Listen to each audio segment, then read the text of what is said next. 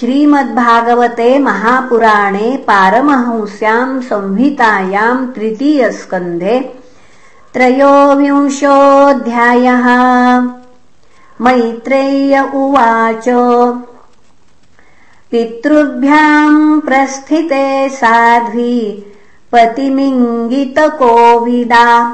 नित्यम् पर्यचरत्प्रीत्या भवानीव भवम् प्रभुम् विश्रम्भेणात्मशौचेन गौरवेण दमेन च शुश्रूषया सौहृदेन वाचा मधुरया च भोः। विसृज्य कामम् दम्भम् च द्वेषम् लोभमघम् मदम्। अप्रमत्योद्यता नित्यम् तेजीयम् समतोषयत्। स वै देवर्षिवर्यस्ताम् मानवीम् समुन समनुव्रताम्।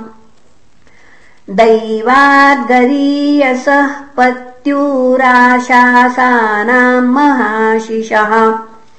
कालेन भूयसा क्षामाम् कर्षिताम् प्रेमगद्गदया वाचा पीडितः कृपया ब्रवीत। कर्दम उवाच तुष्टोऽहमद्य तव मानवीमानदायाः शुश्रूषया परमया परया च भक्त्याम् यो देहि नामयमतीव सुरुस्वदेहो नावेक्षितः समुचितः क्षपितुम् मदर्थे ये मे स्वधर्मनिरतस्य तपः समाधि। विद्यात्मयोगविजिता भव पुनः भगवत्प्रसादाः तानेव ते मदनुसेवनयावरुद्धान् दृष्टिम् प्रपश्य वितराम्यभयानशोकान्।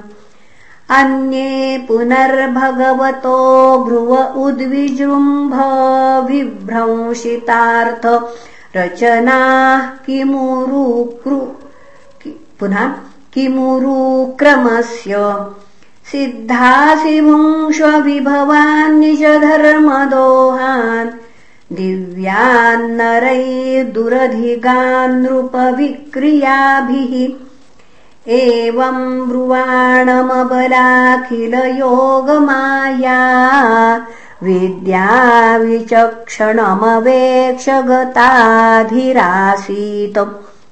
सम्प्रश्रय प्रणय विह्वलया गिरेशद् व्रीडावलोकविलसद्धसिताननाः देवहूतिरुवाच राधम्बतद्विजवृषैक पुनः राधम्बतद्विजवृषैतदमोघयोग मायाधिपे त्वयि विभो तदवैमि भर्तः यस्तेभ्यधायि समय सकृदङ्गसङ्गो भूयाद्गरीयसि गुणः प्रसवः सतीनाम् तत्रेति कृत्यमुपशिक्ष यथोपदेशम्।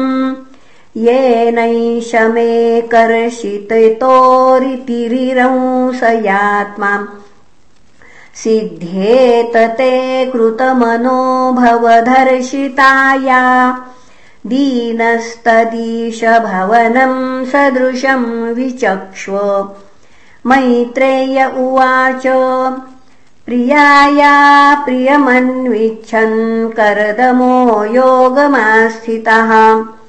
विमानम् कामगम् क्षत्तस्तर्हे वा विरचीकरत्। सर्वकामदुघम् दिव्यम् सर्वरत्नसमन्वितम् सर्वध्युर्पचयोर्दर्कम् मणिस्तम्भैरुपस्कृतम्। दिव्योपकरणो श्वेतम् सर्वकालसुखावहम्।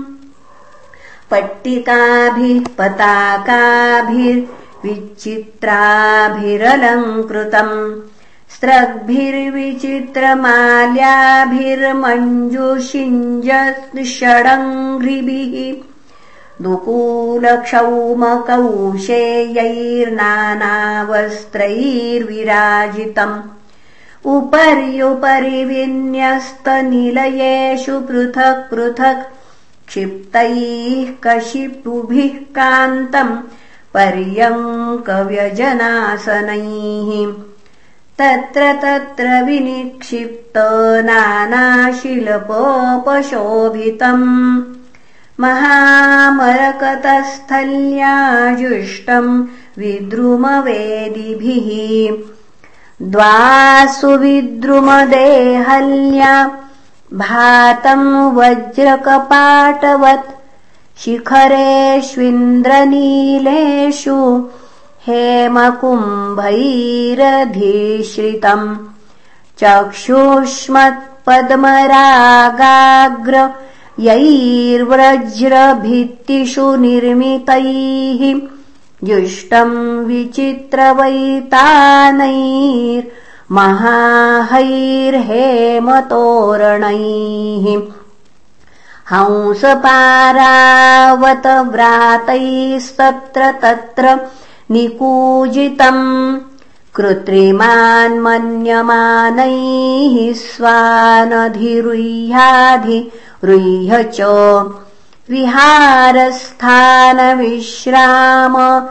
संवेशप्राङ्गणाञ्जिरैः यथोपजोषम् रचितैर्विस्मापन मिवात्मनः इदृगृहम् तत्पश्यन्तीम् नातिप्रीतेन चेतसा सर्वभूताशयाभिज्ञः प्रावोचत्कर्दमस्वयम् निमज्जास्मिन् हृदे भीरु विमानमिदमारुह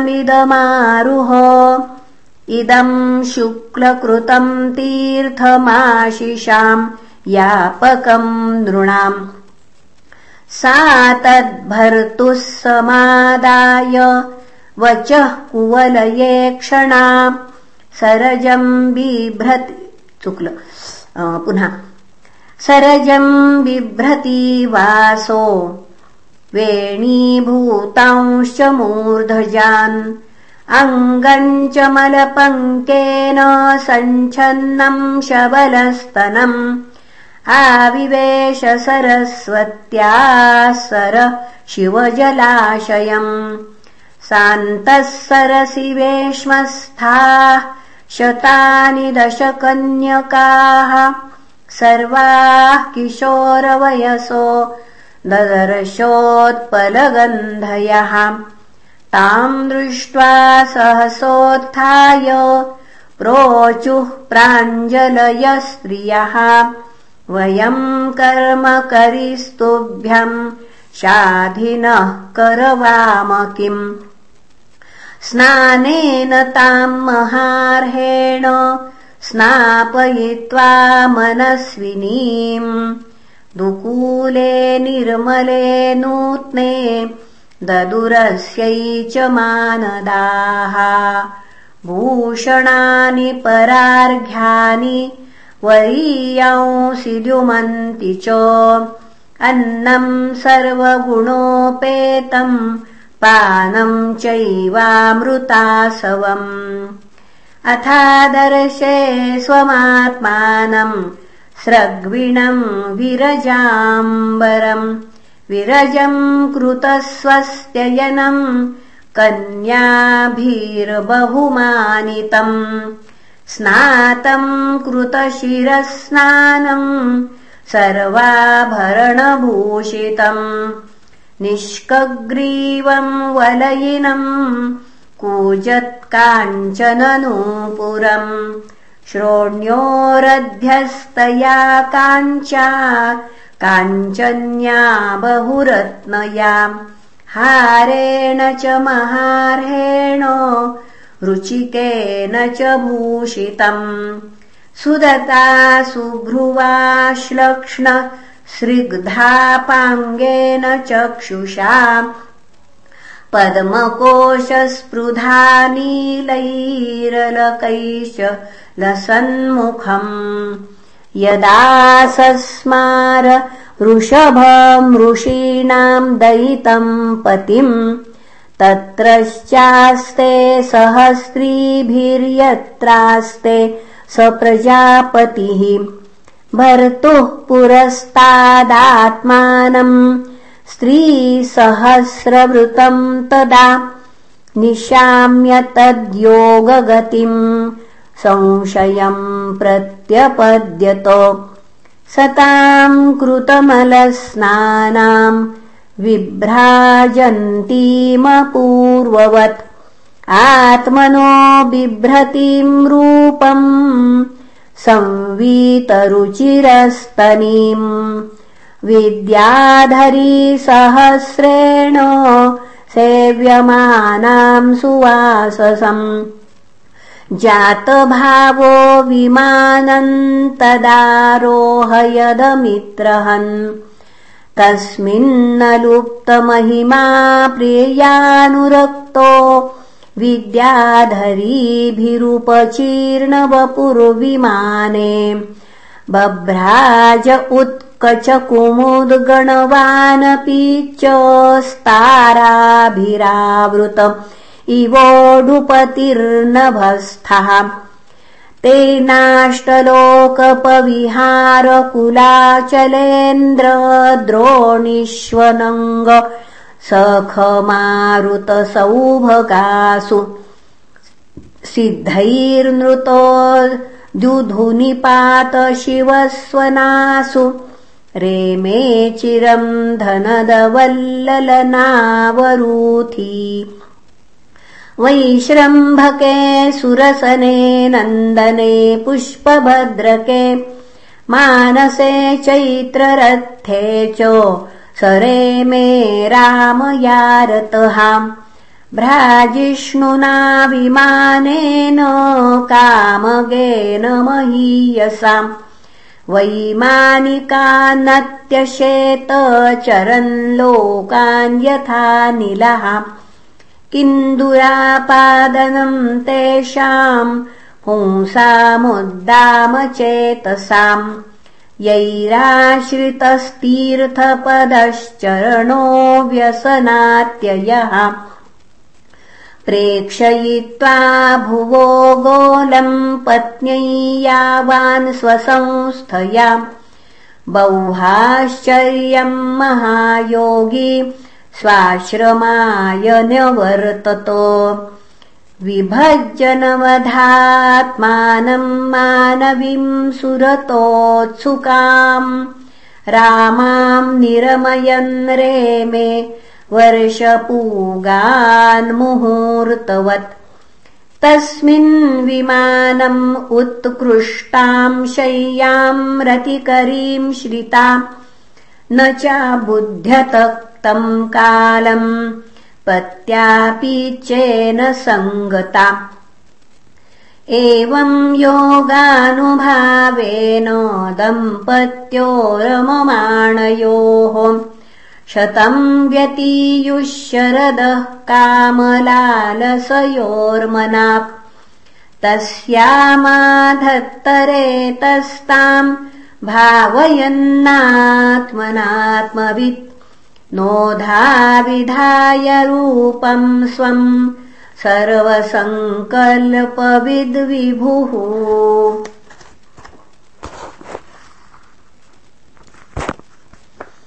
अतः सा सुषुवे सद्यो देवहूतिस्त्रियः प्रजाः सर्वास्ताश्चारु सर्वाङ्ग्यो लोहितोत्पलगन्धयः। पतिम् सा प्रव्रजिष्यन्तम् तदा लक्षो सती सति। स्मयमाना विक्लवेन हृदयेन विदूयताम्। लिखन्त्यन्धोमुखी भूमिम् पदानखमणिश्रियाम्। उवाच ललिताम् वाचम् निरुध्याश्रुकलाम् शनैः देवहुतिरुवाच। सर्वम् तद्भगवान्मह्यमुपोवाह प्रतिश्रुतम्। अथापि मे प्रपन्नाया अभयम् दातुमर्हसि। ब्रह्मन् दुहितृभिस्तुभ्यम् विमृग्याः पतयः समाः कश्चित् स्यान्मे विशोकाय त्वयि प्रव्रजिते वनम्। एतावतालम् कालेन व्यतिक्रान्तेन मे प्रभो। इन्द्रियार्थप्रसङ्गेन परित्यक्तपरात्मनः। इन्द्रियार्थेषु सज्जन्त्या प्रसङ्गस्त्वयि मे कृतः। अजानन्त्या परम् भावम् तथाप्यस्त्वभयाय मे। सङ्गो यः संसृतेर्हेतुरसत्सु विहितो धिया।